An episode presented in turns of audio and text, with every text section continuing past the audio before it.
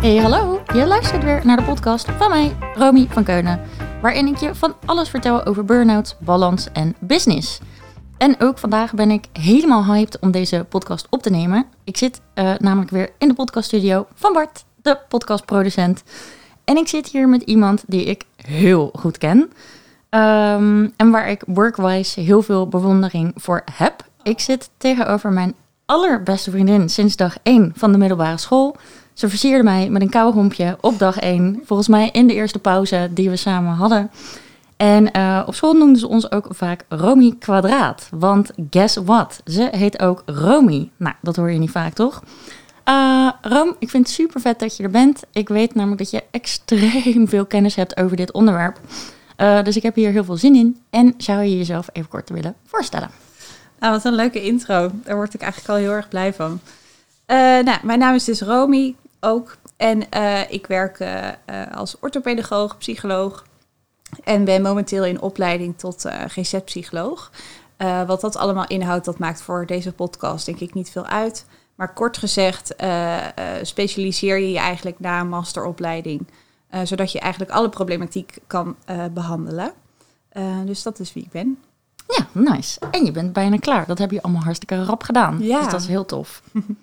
Laten we meteen er maar induiken. Um, want deze podcast gaat over burn-out problematiek specifiek. En dan vanuit het perspectief van de psycholoog. Yep. Heel interessant. Um, en hoe komt het nou vanuit jouw perspectief, zeg maar, wat is jouw beeld op hoe mensen nou burn-out klachten krijgen? Ja, goede vraag. Uh, over, denk ik, deze vraag zou je al een hele podcast kunnen maken. Uh, want het is best wel een complexe vraagstuk. Um, maar kort gezegd uh, denk ik dat het belangrijk is om te beseffen dat stress bij het leven hoort. En er zijn natuurlijk heel veel periodes waarin het rustig in je leven is en wanneer je het idee hebt dat, dat alles op een rijtje is. Maar iedereen ervaart dezelfde stressvolle periodes als uit huis gaan of hè, verhuizen of nou, misschien later een kindje krijgen of trouwen, misschien wel scheiden. Hè. Dat zijn allerlei stressvolle momenten voor mensen en die horen erbij. En dat is normaal. Um, maar wat we vaak zien is dat uh, als je kijkt naar de draagkracht en de draaglast die mensen hebben, als dat voor langere tijd uit balans is, dat mensen dan klachten gaan ontwikkelen. En met draagkracht bedoel ik eigenlijk al je vaardigheden en mogelijkheden die je helpen om ja, staande te blijven. Dus dat kan zijn dat je uh, gezond eet of veel sport of veel vrienden hebt waar je op terug kan vallen. Uh, maar ook je eigen vaardigheden. Hè? Dus als je een doorzetter bent, dat helpt bijvoorbeeld ook mee. Nou, dat hoort allemaal bij draagkracht. En draaglast zijn de dingen waar ik het net over had. die, die invloed kunnen hebben op uh, op je stressniveau of op, op je, uh, dat je je niet goed voelt. Dat kan gaan over slecht slapen of een heftige gebeurtenis hebben meegemaakt. En ik laat het ook altijd een beetje zien als een soort van weegschaal. Dus die weegschaal die kan op zich best wel een beetje zo, een beetje zo wiebelen. Maar ja, als dat te ver en ook te lang uit elkaar gaat, dan kan iemand wel klachten ontwikkelen. Ja, precies. Dus het is eigenlijk inderdaad het balanceren hoort sowieso bij het leven. Juist. En bij de draagkracht hoort inderdaad alles wat je net zei. En, en ja, dat je voor jezelf zorgt. En denk ook heel erg dat je momenten van ontspanning bewust pakt. Ik denk dat we dat een beetje vergeten. Of dat, dat zijn vaak de dingen die er een beetje bij inschieten op het moment dat je meer stress ervaart. Absoluut. Dus meer deadlines is, oh, dan ga ik maar even niet sporten, want dan kan ik het afmaken. Of hè, veel stress is, oh, ik heb echt nergens puff voor, zeg ik toch maar even die ene afspraak met mijn beste vriendin af. Um, en bij de draaglast, je noemde allerlei inderdaad situaties die in je privé voorkomen. En die zijn er altijd sowieso, of die komen en die gaan. Mm -hmm. En als daar dan ook nog zeg maar op werk constante deadlines en constante druk eigenlijk is, uh, wat langetermijn stress wordt, dan is het dus ja, niet gek als, dat, als die weegschaal een keertje uit balans raakt. Nee, absoluut niet. Nee. Nee. Um, ik had ook een tijdje geleden inderdaad een onderzoekje uh, um, gelezen. waarin ze vergelijken hoe we reageren op stress. Als zeg maar de gewone mens en, en topsporters. Ik denk op zich dat topsporters ook gewone mensen zijn. Maar goed, deze, deze, dit onderscheid werd gemaakt. En daarin zeggen ze eigenlijk dat topsporters die ervaren stress als voor een, voor een belangrijke challenge of wedstrijd of whatever. Als in, oké, dit is echt een teken dat ik helemaal ready ben om te gaan, weet je wel. Ik ga mijn record verbreken of ah, ik ga wat vets doen. Terwijl uh, werkstress onder de gewone werkende mens ervaren stress meer als, oh nee, schrik, weet je wel. Oh, dat moet ook nog. En, en wow, die deadline ook nog. En die, dat, die reactie is iets meer verkrampt bijna. Dus die, ik vind het vet dat je zegt, stress hoort erbij, weet je wel. Stress is ook uh, nou, helemaal niet verkeerd. Zorgt ervoor dat je kan presteren en dat je inderdaad die deadlines kan halen. Alleen de reactie op stress, die varieert dus ook nog wel eens van mens tot mens. Ja. Vond ik echt super interessant om te lezen. Ligt dat nou echt aan, aan jou als persoon? Of hoe, hoe, hoe verschilt die reactie? Ja, goede vraag. Um, ik uh, kreeg toen je het vertelde een plaatje voor me van een soort holbewoner in de uh, heel, heel, heel lang geleden. Die ook zeg maar hebben moeten anticiperen op stress. Bijvoorbeeld geen eten of een gevaarlijk dier. Uh, dus ons lichaam die, die weet precies hoe die daarmee om moet gaan. Maar de stress ziet er op dit moment wat anders uit. Precies wat jij zegt. En we hoeven niet meer op onze schouder te kijken of er een, een wilde leeuw achter ons aankomt. Maar de stress komt veel meer voort vanuit kleine dingen zoals deadlines. En uh, of dat. Uh, of, bedoel je of het aangeboren is of, of hoe het, je het hebt ontwikkeld? Is dat je ja, vraag? Ja, bijvoorbeeld waarom reageerde ik veel harder op bepaalde deadlines um, dan bijvoorbeeld. Nou, voorbeeldje, Bart, die zit hier uh, naast me. Ik heb wel eens een keer wat met hem moeten doen tijdens ons werkleven.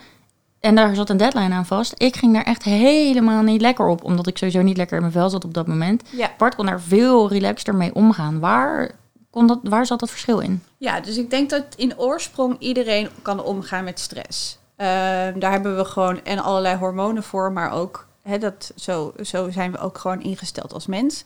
Maar uh, ook door je opvoeding of uh, door de manieren waarop je hebt gezien dat bijvoorbeeld je ouders of je vriendinnen of je leerkracht bij wijze van spreken met stress om is gegaan. Uh, leert ons hoe wij uiteindelijk zelf ook met stress om kunnen gaan. En je zou je ook kunnen voorstellen dat iemand die in zijn leven, hè, als die opgroeit, ehm, minder stress ervaart, Um, dat hij ook uiteindelijk gemakkelijker met stress om kan gaan. Dat klinkt een beetje gek, maar je zou je kunnen bedenken dat als iemand uh, vanaf jonge leeftijd al constant in een stresslevel zit, uh, dat iemand het uiteindelijk is dat stresspotje een beetje op. Dus dan is het veel moeilijker om als, als je het nodig zou hebben, de juiste vaardigheden toe te passen. Um, omdat je die eigenlijk en niet echt geleerd hebt en al de hele tijd op je, op je tenen aan het lopen bent. Dus dat is een verklaring. Maar een andere verklaring zou ook kunnen zijn, wat we ook wel vaker zien bij mensen die wel goed functioneren. Um, maar die bijvoorbeeld hebben geleerd van zichzelf of van hun omgeving om hoge eisen aan zichzelf te stellen. Um, om heel veel uh, uh, vlakken van hun leven op de juiste manier in te richten en daar veel mee bezig zijn. Die het moeilijk vinden om te ontspannen, die veel bezig zijn met andere mensen en minder met zichzelf. Ja, dat zijn allerlei factoren die mee kunnen spelen bij hoe je uiteindelijk met stress omgaat. Uh, nu dat ik mezelf zo hoor praten, denk ik ook, het is gewoon niet in een zinnetje te beantwoorden, zo'n vraag. Het is eigenlijk een heel complex vraagstuk. Ja, eens. Het is natuurlijk voor iedereen helemaal anders. Maar ja. ik herken wel een aantal dingen van die je zegt. En um, hoe, hoe, dat dan bij mij zo ging, hè, want voor de luisteraars die dat niet weten, ik heb uh, een burn-out gehad. Uh, en nu uh, niet meer. Daarom zit ik hier hartstikke enthousiast deze podcast op te nemen. Maar ik ben natuurlijk, achteraf kon ik heel goed analyseren en bekijken hoe komt dit nou zo. En er zijn echt tal van redenen en dingen die zijn gebeurd, dat, waardoor ik uiteindelijk op die ene dag inderdaad niet meer mijn voordeur uit durfde en ja. uiteindelijk naar de huisarts ben gegaan. Maar ik denk zo'n een deel van de samenvatting is inderdaad je omgeving. Ik was niet echt een prater over gevoelens. Ik kan heel goed praten hoor, neem dat van mij aan. Uh, maar over gevoelens was altijd toch een beetje... Ja, ik weet niet, dat sloegen we een beetje over ook, denk ik. Uh, ik weet ook dat jij daar beter in was altijd dan ik. Ik dacht dat hij zei, uh, waar moeten we het daarover hebben? Ik voelde ze misschien niet eens. Nou, oké, okay, dat dus.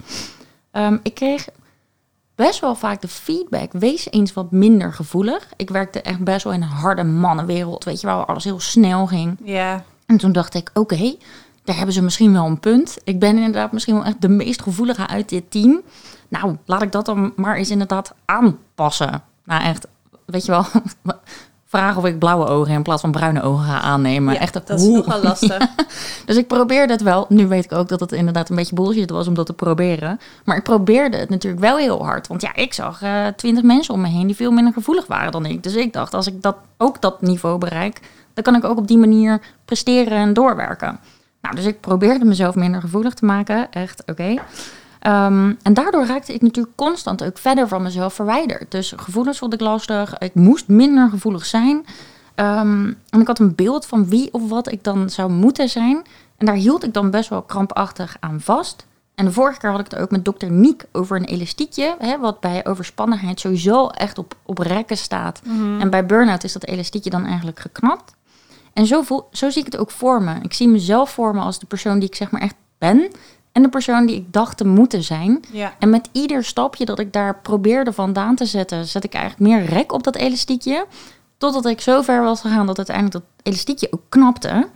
En eh, ja, ja, dat elastiekje ging kapot. Dus ik was gewoon echt te ver weggegaan van inderdaad wie ik zelf was. En daardoor ontstonden denk ik heel veel energielekken.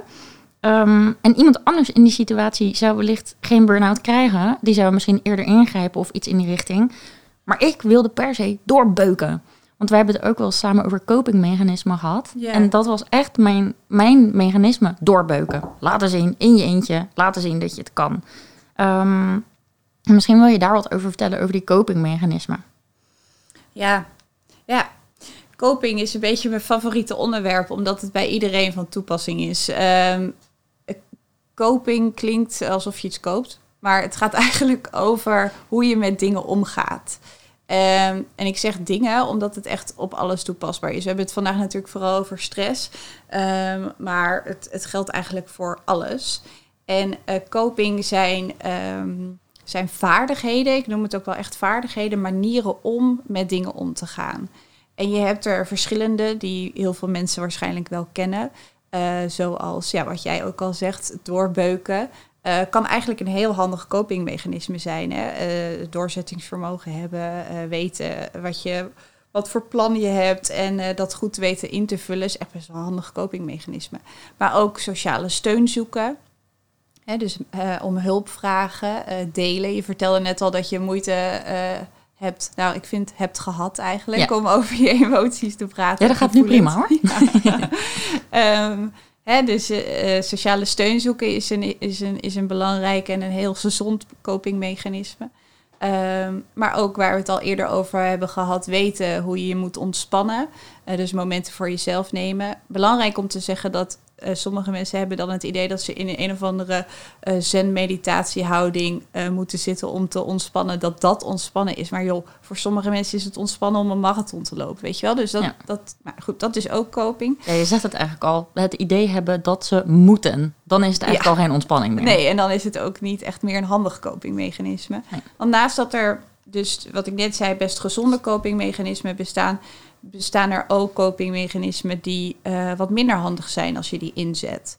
Eh, nou zou je bijvoorbeeld kunnen denken aan het drinken van heel veel alcohol of eh, het gebruiken van drugs als je eigenlijk stress ervaart. Hè? Dus het niet willen voelen dat je eigenlijk rust nodig hebt, maar maar doorgaan of afleiding zoeken doordat je drugs of alcohol gebruikt. Maar ook, dit vind ik altijd wel een hele bijzondere als ik dat aan mensen uitleg, piekeren is ook een copingmechanisme. Het overdenken, het overanalyseren van een probleem of eh, van waar je tegenaan loopt, dat is ook een copingmechanisme.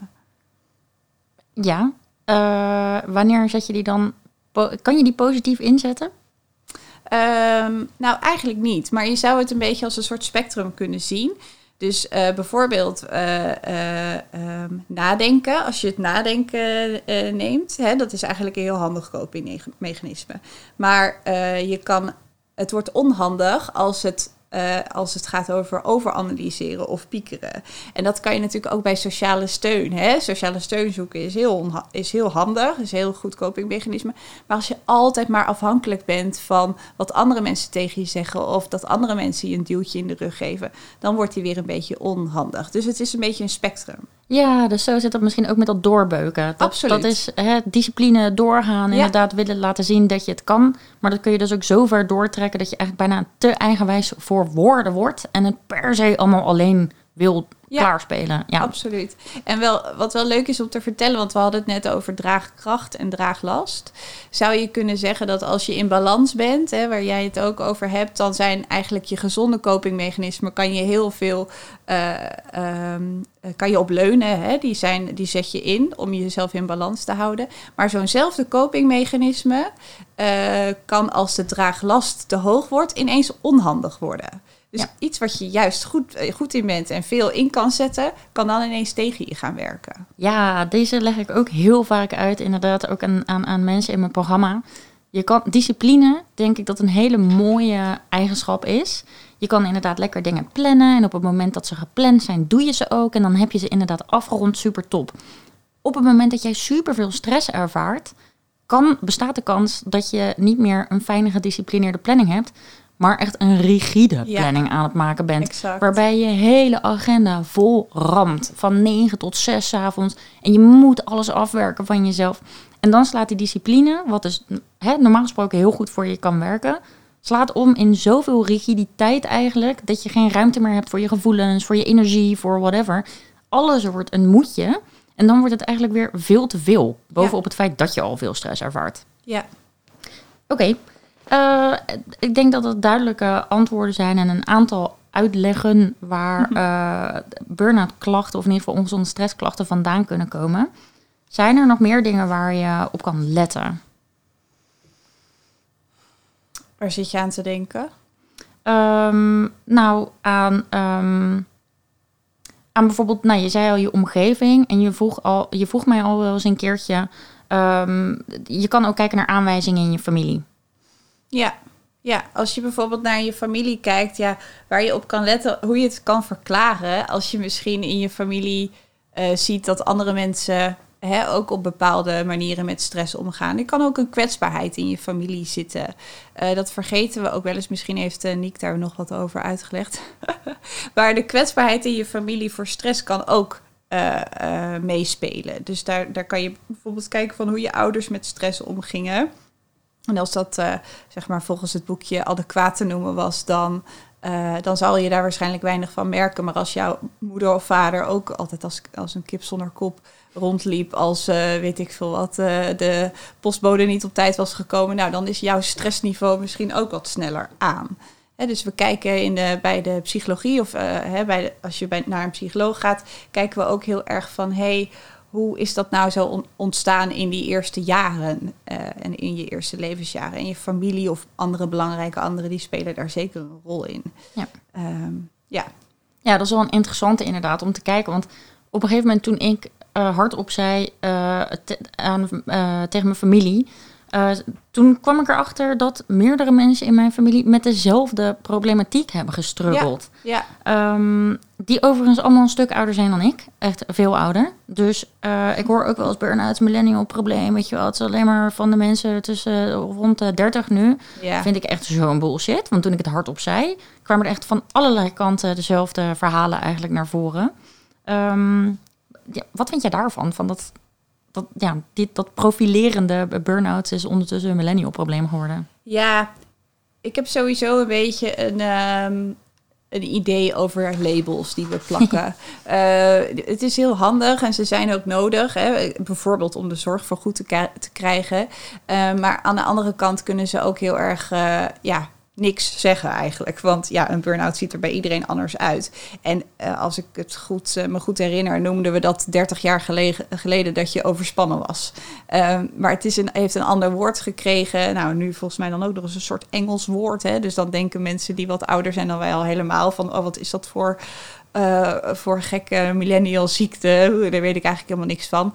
Maar die klachten die zijn eigenlijk altijd al geweest. En uh, de manier waarop mensen daarvoor hulp hebben gezocht, dat is wel echt uh, verbeterd als ik daar naar kijk.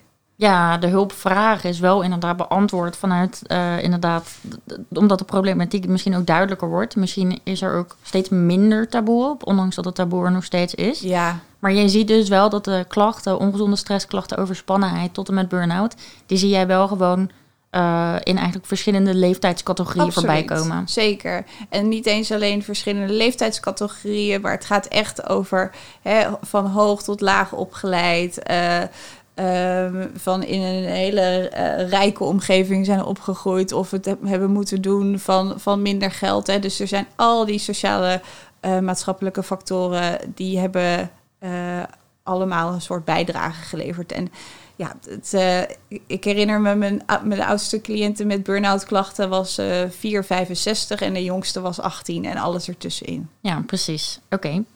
Hey, welke klachten zie jij meestal uh, bij mensen die dan met burn-out klachten bij jou komen? Ja, wat zie je?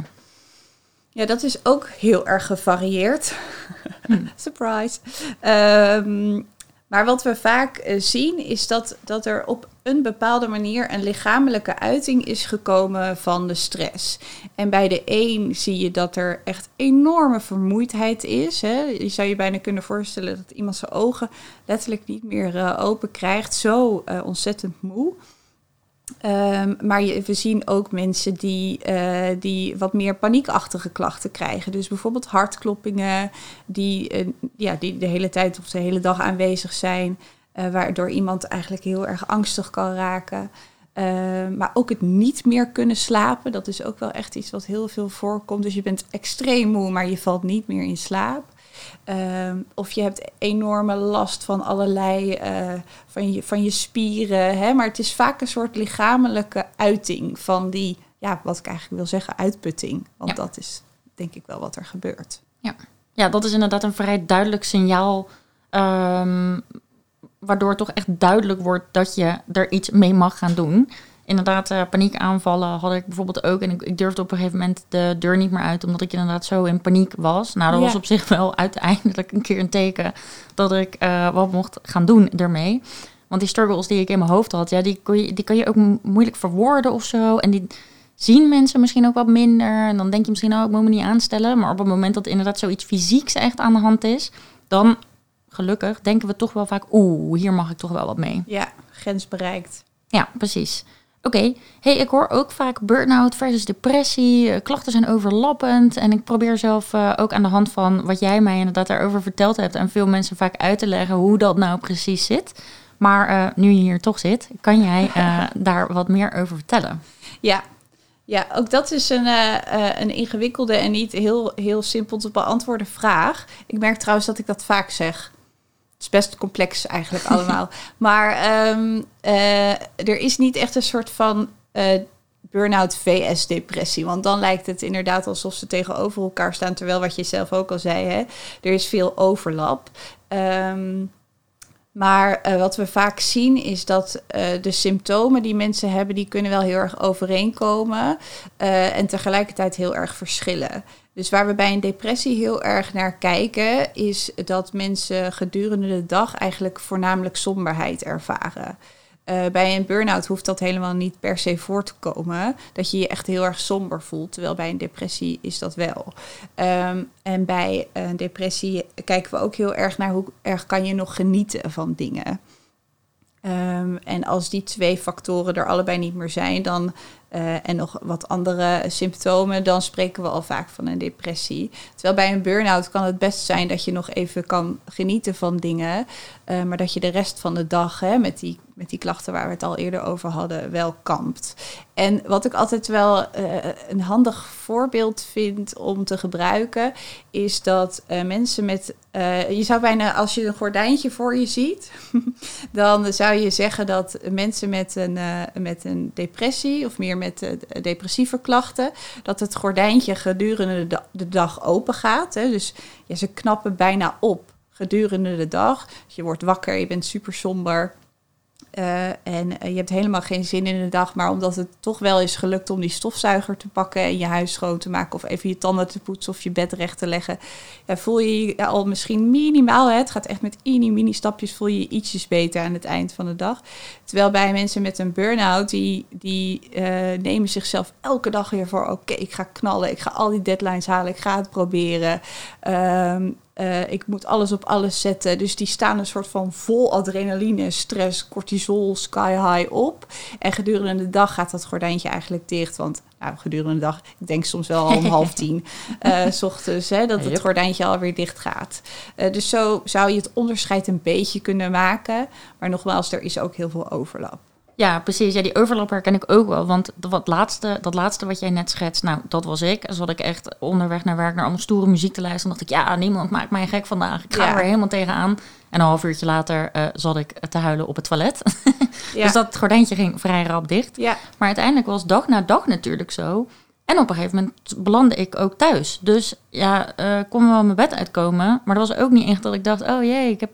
Ja, wat moet ik vandaag doen? Met, met mezelf dealen, weet je wel. Mhm. Dus ik merkte dat inderdaad dat gordijntje op een gegeven moment een beetje dicht bleef. ja, Eh, en, en dat het toen weer de andere kant op ging. Dus waar dat gordijntje inderdaad voor echt die, dat, dat ene omslagpunt waar het duidelijk was, oké, jij gaat niet meer naar werk toe. Dat daarvoor inderdaad dat gordijntje stond volop open en ging meteen dicht. En daarna was het eigenlijk stond dicht en ging daarna gedurende de dag, de weken, de maanden steeds verder open. zeker. Ja. Dus ik herken die, die overlap enorm. Ja, en eh, volgens mij, we hebben het daar al eens eerder over gehad. Hè? Het, het komt ook wel vaak voor dat als mensen langere tijd een burn-out hebben gehad, dat ze zeker ook die depressieklachten erbij krijgen. Ja, want je hebt alle leuke dingen in je leven afgezegd. Want daar had je geen puff voor. Dus Nee. waar haal je inderdaad die positieve prikkels nog vandaan? Exact. Ja, duidelijk. Ehm, toen ik eh, al die klachten ervaarde, eh, dacht ik, ik, eh, ja, ik, ik moet dit zelf oplossen. Dat was dus sowieso mijn copingmechanisme waar ik Mhm. op dat moment even niet meer zoveel aan had. Maar ik dacht dus ook, eh, ik, ik, ik heb wel het gevoel dat ik hulp nodig heb. Ik weet niet helemaal waar ik op moet zoeken. Plus, dadelijk dan sturen ze me naar de psycholoog. Maar er zijn toch mensen die die psycholoog veel harder nodig hebben dan ik. Want ik functioneer nog, weet je wel. Ik kan nog nadenken, dacht ik toen. ik dacht wel vrij negatief na, maar ik dacht nog wel na. En ik, ik vond het eigenlijk super misplaatst dat ik dan als hoogopgeleide, hardwerkende eh, eh, persoon die alles een soort van had, wat Ja. ik nodig had, huizen, eten, al dat soort dingen, vond ik het heel misplaatst dat ik dan dat uurtje van die psycholoog af zou snoepen, die misschien andere mensen veel eh, ja, beter kon helpen, die de hulp hadden no- harder nodig hadden. Wat vind je daarvan? Ehm, in de praktijk echt enorm herkenbaar. Veel mensen met burn-out klachten en ook met depressieklachten, maar hè, laten we ons focussen op de burn-out, hebben, ehm, wat ik al eerder in de podcast zei, het idee dat ze vooral voor andere mensen moeten zorgen en vinden het wat moeilijker om naar zichzelf te kijken. En als dat een beetje je, we noemen dat dan een kernovertuiging is, hè, dus anderen hebben meer recht op puntje, puntje dan ik, hè, ehm, dan eh, kom je daar ook, loop je daar ook tegenaan als je bijvoorbeeld om hulp gaat vragen van een professional.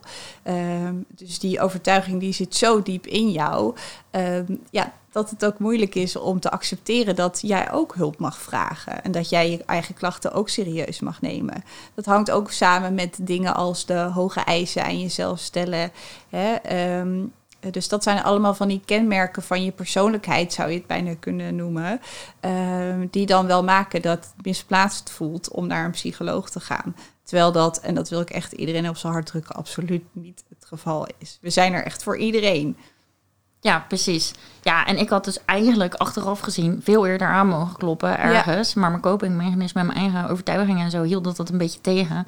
En achteraf heb ik nergens spijt van hoor. Want ik heb het wel eens met mijn businesscoach over gehad. En die zei, ehm, ja, het wordt soms wel gezien als een cadeautje in een hele lelijke verpakking. En toen dacht ik, ja, dat is het wel echt. Je kan echt, zeker met mensen die burn-out klachten ervaren, kan je echt niet zeggen, oh, dit is een cadeautje. Want dat is het helemaal niet. Zo voelt het op dat moment totaal niet. Nee. Maar het heeft er wel voor gezorgd dat ik mijn leven echt, eh, zeg je nou 180 of 360 graden heb gedraaid. Hier ben ik echt altijd Cijfers helemaal moet je over niet bij mij zijn. Anyways, ik heb mijn leven volledig omgegooid na die burn-out. En ik sta nu iedere dag vet vrolijk. Nou, oké, iedere dag is een beetje overdreven. Maar over het algemeen ben ik heel erg blij met het leven wat ik nu leid. Terwijl ik daar daarvoor bijna nooit bij stilstond, weet je wel. Dus het is helemaal omgedraaid bij mij. Dus wat dat betreft was het wel een cadeautje. Ja, het was wel echt eh, inderdaad in een vrij lelijke verpakking. Ja, Maar uiteindelijk wel. Dus ik heb nergens spijt van. Maar op zich, als je de klachten herkent, ehm, mag je gewoon aankloppen ergens voor hulp. zeker. Oké, nou, stel je herkent die klachten en je hebt er een aantal benoemd. En sowieso benoem ik er constant een heleboel, omdat ik dat taboe naar beneden wil halen. Dus als je daar nog meer over wil weten, zou ik je aanraden, als je dat nog niet hebt gedaan, om podcast nummer 1 te luisteren. Maar ook om op mijn Instagram te kijken. Daar vertel ik ook van alles over de klachten. Uh, at Burnout Badass is dat nu. Ehm, maar stel je merkt die klachten, wat kan je dan concreet doen? Ehm, en dan heb je het specifiek over wat kan je concreet doen om naar een psycholoog te gaan? Uh, nou, meer, je, je merkt dat je die klachten hebt. Je weet het. Uh, Oké, ik loop met een soort van last op mijn schouders. Ik kan het niet helemaal pinpointen, maar ik weet echt wel dat het door ongezonde stress uh, veroorzaakt wordt. Um, je weet ook wel dat je ergens hulp mag gaan vragen. Uh, maar en dan? Want we kunnen het inderdaad allemaal bespreken. En ja, vraag om hulp, weet je wel. Maar wat kan je nou echt doen? doen? Concreet. Nou, ik denk stap 1, neem jezelf serieus. Um, waar we het al eerder over hadden, uh, soms kan je die klachten een beetje wegmaken of doen alsof ze er niet zijn. Maar hallo, het is een signaal van je lichaam en je hoofd om te zeggen van uh, stop hiermee. Ja. En daarnaast uh, praat er met mensen over, hè, wat jij ook heel mooi hebt gedaan om dat in je familie te bespreken. herkenning is vaak ook al wel een hele prettige zo van, oh ja, ik, ik ben niet alleen, maar ik mag dit dus ook serieus nemen. Um, en hoe meer je ervaringen van anderen hoort en hoe zij dat hebben aangepakt, daar kan je natuurlijk ook op leunen en steunen. Ja, het wordt er een beetje luchtiger van, merk ik steeds. Ja, ja. ja kan ik me voorstellen. En je hebt er waarschijnlijk niks aan als mensen alleen maar zeggen van... Uh, oh, dat heb ik ook gehad, oh, dat heb ik ook gehad. Maar wel als mensen zeggen, jeetje, ik heb in dezelfde periode gezeten... en wat was dat zwaar? Hoe is dat nu voor jou? Hè? Dus als je dat soort gesprekken met mensen kan aanknopen... dat, dat, dat kan je al enorm helpen. En uh, ja, daarnaast uh, ga op tijd naar de huisarts. De huisarts is echt je eerste aanspreekpunt als het gaat over uh, klachten die je, waar je eigenlijk last van hebt en waarbij je niet lang wil rondlopen. Mm, en wat Niek mo mogelijk de vorige keer ook heeft verteld, hè, de, de, huisarts kan je ook helpen met het monitoren van je klachten. Je hoeft niet meteen allemaal pillen of gesprekken. Soms is het monitoren en het af en toe contactmoment met een professional al voldoende om je klachten te laten verdwijnen. En daarbij geldt wel hoe eerder, hoe beter. Ja. ja uh, en uh, mocht je toch wel het idee hebben samen met je huisarts dat het probleem wat dicht, uh, diep liggender is, of dat je echt wat meer handvatten nodig hebt dan alleen maar hè, wat contactmomenten, dan kan je bij de huisarts vragen om een doorverwijzing naar een psycholoog. Ja, precies. En dan kom je bij jou terecht. Yes. Um, onder andere. Uh, zou je wat kunnen vertellen over wat gebeurt er dan? Kom je jou terecht? En dan? Nou, dan, uh, dan, dan doorloop je eigenlijk een bepaalde fase die de meeste mensen doorlopen uh, als je naar een psycholoog gaat. Dus het proces ziet er concreet als volgt uit. Je krijgt een intakegesprek met een psycholoog. Vaak zijn dat één of twee mensen. En dat we er twee mensen zijn, doen we altijd omdat we het belangrijk vinden. Hè? Vier ogen zien er toch echt meer dan twee. En we vinden het heel belangrijk om kritisch te kijken naar wat speelt er nou. Uh, en na een intake, uh, um, wat soms een uur duurt, soms twee uur, is een beetje per instelling verschillend, krijg je een, uh, een adviesgesprek en delen we ook vaak de diagnose die we zien met je. De diagnose krijgen mensen al meteen meestal rillingen over hun rug, want ik ben toch niet ziek en ik heb toch geen stoornis. Uh, wil ik even aan toevoegen. Dat vind ik echt super belangrijk om te zeggen. In Nederland spreken we eigenlijk al van een stoornis als jij ergens last van hebt. Mm -hmm. Dus als je lijdensdruk ervaart, uh, dan noemen wij dat als psychologen. Uh, en, en daarbij dus die kenmerken waar we het eerder over hadden. En die combinatie zorgt ervoor dat we zeggen iemand heeft een stoornis. Maar ik vind het zo belangrijk om te benoemen dat het helemaal geen enge ziekte is of uh, iets is waar je bang van moet worden. Het is gewoon voor ons een hulpmiddel om met elkaar te praten. Ja, dat is echt een goeie, want ik kreeg dit op een briefje inderdaad. Ik oh, weet ook ja. nog dat ik dat met jou besprak. Wat was het ook weer? Een stemmingstoornis. En ja. ik keek naar dat briefje en het voelde alsof de wereld onder mijn voeten vandaan viel. Alsof het inderdaad ook. Ik kreeg een stempel en dat was het. En ik dacht echt, uh, ben ik nu gek? Ja. dus ja. het is wel goed dat je dat benadrukt, inderdaad. Het is gewoon inderdaad iets waar jij op dat moment last van hebt. Dus daar mag, iets, daar mag, er mag iets aan gebeuren. Absoluut, ja. ja. Oké. Okay. Dus na het intakegesprek, hè, dan heb je dat advies en, en, en mogelijk een label. Ehm, en als eh, we niet zo'n eh, een stoornis kunnen stellen of geen labeltje, dan proberen we natuurlijk wel met je mee te denken van hé, hey, waar kan je dan wel, eh, waar kan je nog wel terecht met, met je vragen of je, je klachten. En kom je wel bij ons in behandeling of bij een psycholoog in behandeling, dan maken we samen een behandelplan. Oké. Ehm, wat zijn onderdelen van zo'n behandelplan? Wat, wat zou je voor, voor, voor ehm, ja, theorieën, mogelijkheden, behandelingen kunnen aanbieden?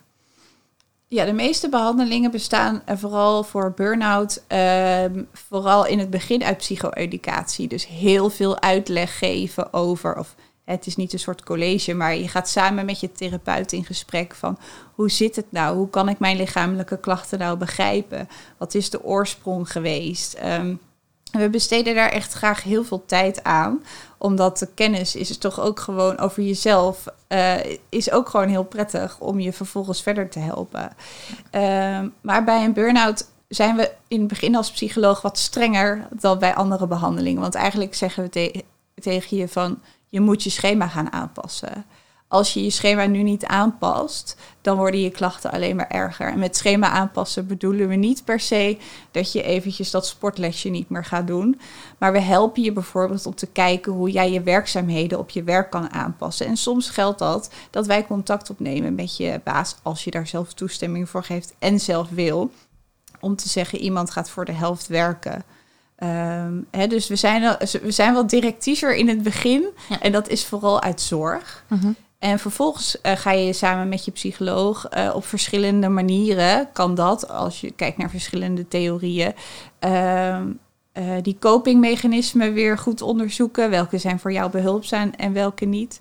Um, dus zo zijn er verschillende manieren waarop je dat aan kan passen. Als je wil daar wat nog meer over vertellen. En vervolgens ga je in de laatste fase van je behandeling uh, proberen we te generaliseren. Hè? Dus hoe ga je de vaardigheden die je nu hebt geleerd en de aanpassingen die je nu hebt gedaan, hoe ga je die verder in je leven toepassen? Uh, hopelijk om een volgende depressie of burn-out te voorkomen. Ja, precies. Echt concreet maken. Ja. Hey, ik spreek best wel veel mensen die uh, een burn, met een burn-out thuis op de bank zijn beland of de klachten heel erg herkennen en, en overspannen zijn. En het voelt vaak alsof je, nou, je valt dus in dat gat, alsof je een laddertje op aan het klimmen bent. En ik ervaarde dat zelf ook destijds. En ik hoor zoveel mensen zeggen: uh, het voelt alsof ik niet vooruit kom. Of het voelt alsof ik drie stappen vooruit heb gezet en daarna weer onderaan moet beginnen. Terwijl ik toch vaak denk dat dat niet zo is. Want je hebt toch echt al een paar mooie lessen geleerd in die tussentijd.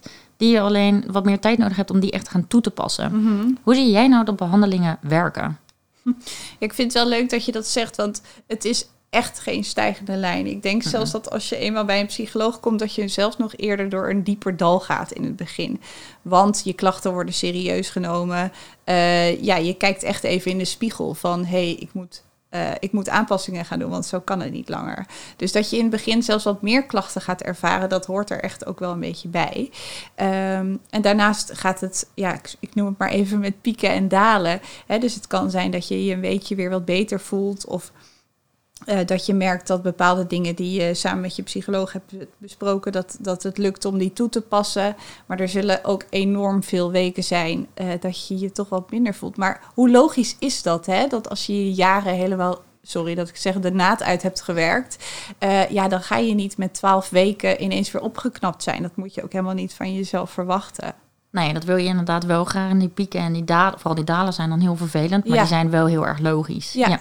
En ook nodig, hè? Want uh, uh, dat zijn juist de momenten waarbij je de dingen die je eerder hebt geleerd of ontdekt hebt, dat je die dan kan gaan toepassen. Ja, precies. Oké.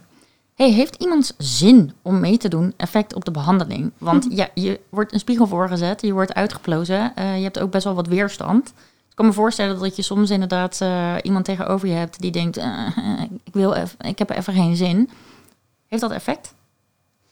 Ja, absoluut. Uh, in de zin van, uh, het is logisch dat je geen zin hebt. Want naar je problemen kijken, naar jezelf kijken, dat is nogal intens. Vooral als je dat niet echt uh, gewend bent, dan, dan kan ik me voorstellen dat het veel energie kost. ja, zin en motivatie, is dat een beetje wat je bedoelt ook? Mm, ja, ik denk wel.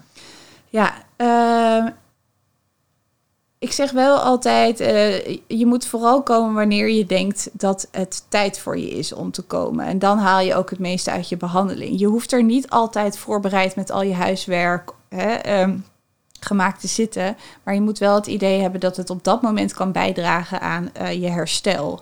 Uh, dus ik geef maar even een voorbeeld. Wanneer het niet zo heel handig is, uh, als je motivatie wat lager is, omdat je ook nog midden in een of andere verhuizing zit en je hebt superveel financiële problemen en je bent in scheiding, dan zeggen we probeer eerst die dingen praktisch op te lossen voordat je met een burn-out behandeling gaat beginnen. Ja, dan staat je hoofd er inderdaad absoluut niet naar. Ja. Oké. Hey, zijn er quick fixes? Je hebt eigenlijk al gezegd dat het niet zo is, maar ik vraag toch. Nope. nope, oké. Nou, kunnen we die overslaan.